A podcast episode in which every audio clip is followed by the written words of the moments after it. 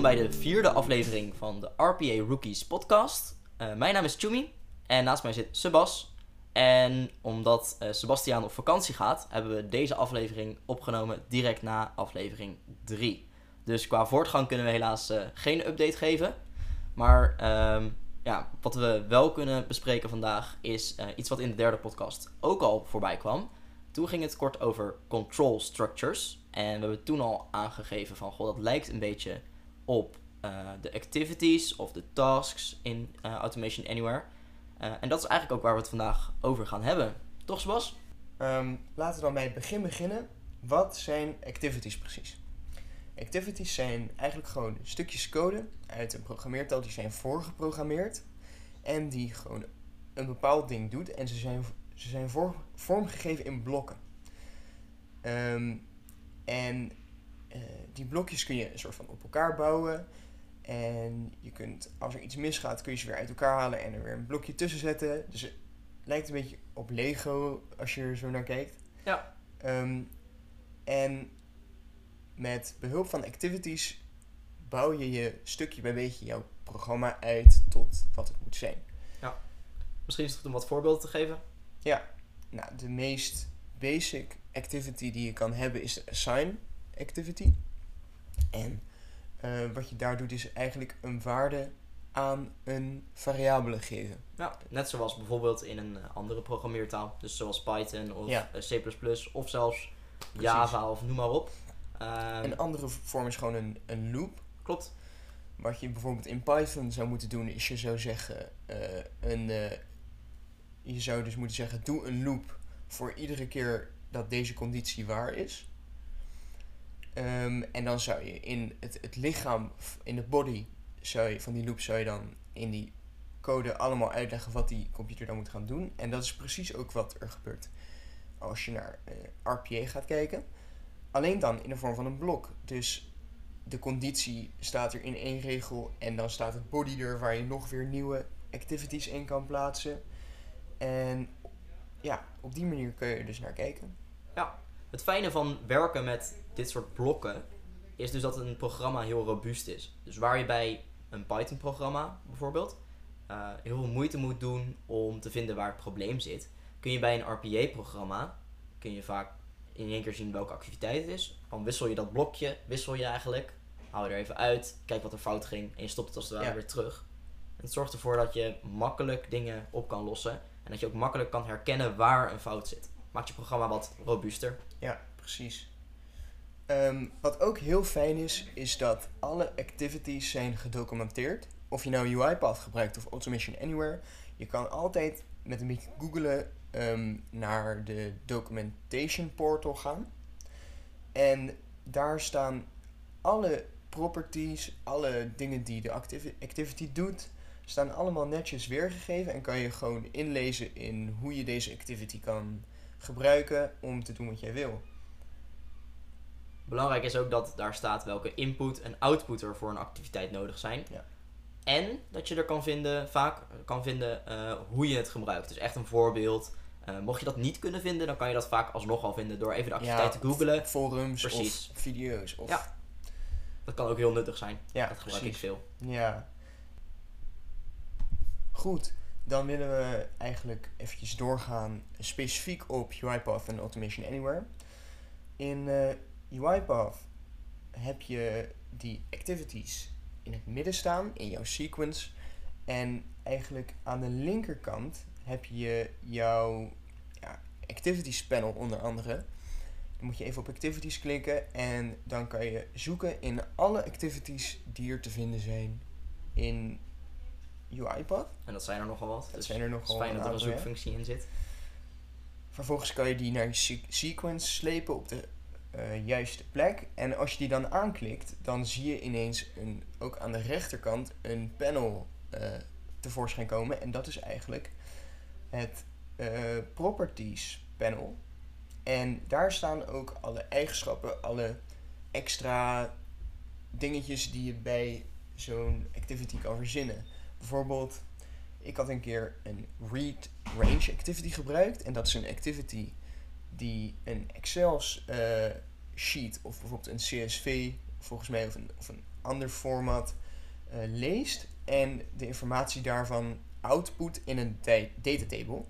Klopt. En ik had per ongeluk de optie add headers aanstaan in die read range activity. En wat hij dan denkt is dat, eh, dat er een header staat in mijn Excel-tabel. En dat betekent dat hij vanaf 1 eh, kolom daaronder eigenlijk, volgens mij, begint te lezen. Of zoiets. En wat er daardoor gebeurde is eigenlijk dat toen ik die datatable had, was die informatie dus eigenlijk één eh, rij naar beneden geschoven. En toen ik uiteindelijk weer een write range activity gebruikte om, eh, om informatie weer terug te schrijven in dat Excel-bestand, toen schreef hij eigenlijk alles één cel te laag. En dat kwam dus door die ene property. Dus daar moet je altijd goed op letten over, eh, om te kijken of alles wel in orde is. Dus je hebt eigenlijk drie ehm, eh, ja, plekken waar activities een rol spelen. Links in het activities panel. In het midden heb je je sequence met je hele robot. En aan de rechterkant bij je properties panel. Ja, en eigenlijk is dat ook ongeveer hoe het werkt bij Automation Anywhere. Die zei eigenlijk net al, activities worden tasks genoemd of subtasks in Automation Anywhere. Op het moment dat je eh, begint met Automation Anywhere, dan krijg je een soort van de control room. En dat is een online omgeving. Daar kan je door middel van drag and drop, net als bij UiPath, kan je daar verschillende tasks toevoegen aan eh, je robot. Je hebt verschillende views, net als eigenlijk wat Sebas net uitlegt, eh, heb je drie views. Je hebt inderdaad, net als eh, bij UiPath, aan de linkerkant een overzicht van alle activiteiten of alle tasks die je kan toevoegen. En aan eh, de rechterkant van het scherm is een soort van gedeeld scherm. Dan heb je verschillende views daar, want je kan kiezen of ik wil ehm, eigenlijk bijna zoals in Python gewoon mijn code ongeveer zien. Dus dan wordt het echt in regels onder elkaar beschreven wat jij aan het doen bent. Of je kan de, net als bij eh, UiPath, iets intuïtievere, eh, ja, flowchart-achtige eh, omgeving of view kiezen. Ehm, om daar ja, door middel van drag and drop je activiteiten te ordenen en in een bepaalde volgorde te zetten.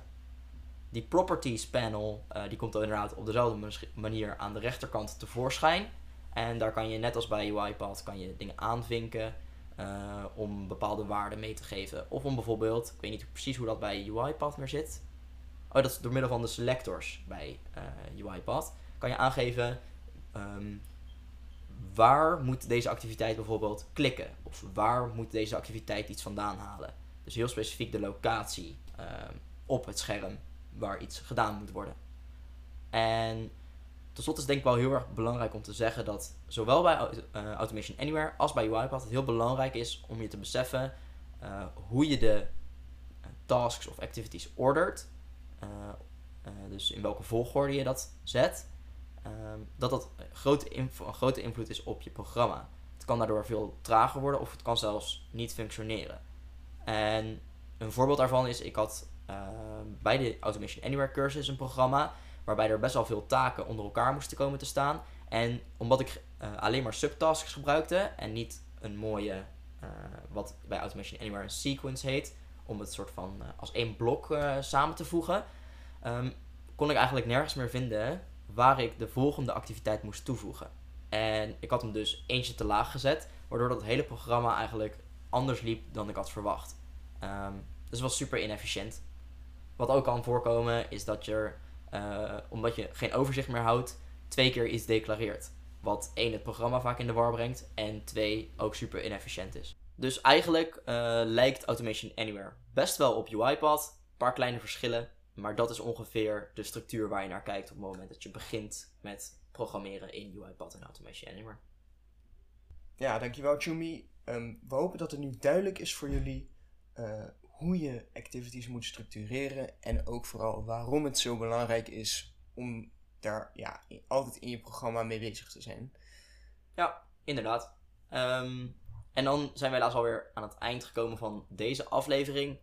Ehm, je kunt ons natuurlijk vinden op alle mogelijke eh, platformen. Zowel op Apple Podcasts als op Spotify. Maar mocht je nou vragen hebben over de eh, podcast, dan kun je ons altijd even een mailtje sturen. Dat kan via info.rpa-nederland.nl of uh, via LinkedIn. Dat mag natuurlijk ook. Dit was de RPA Rookies podcast en we zien jullie weer terug over twee weken. Tot ziens.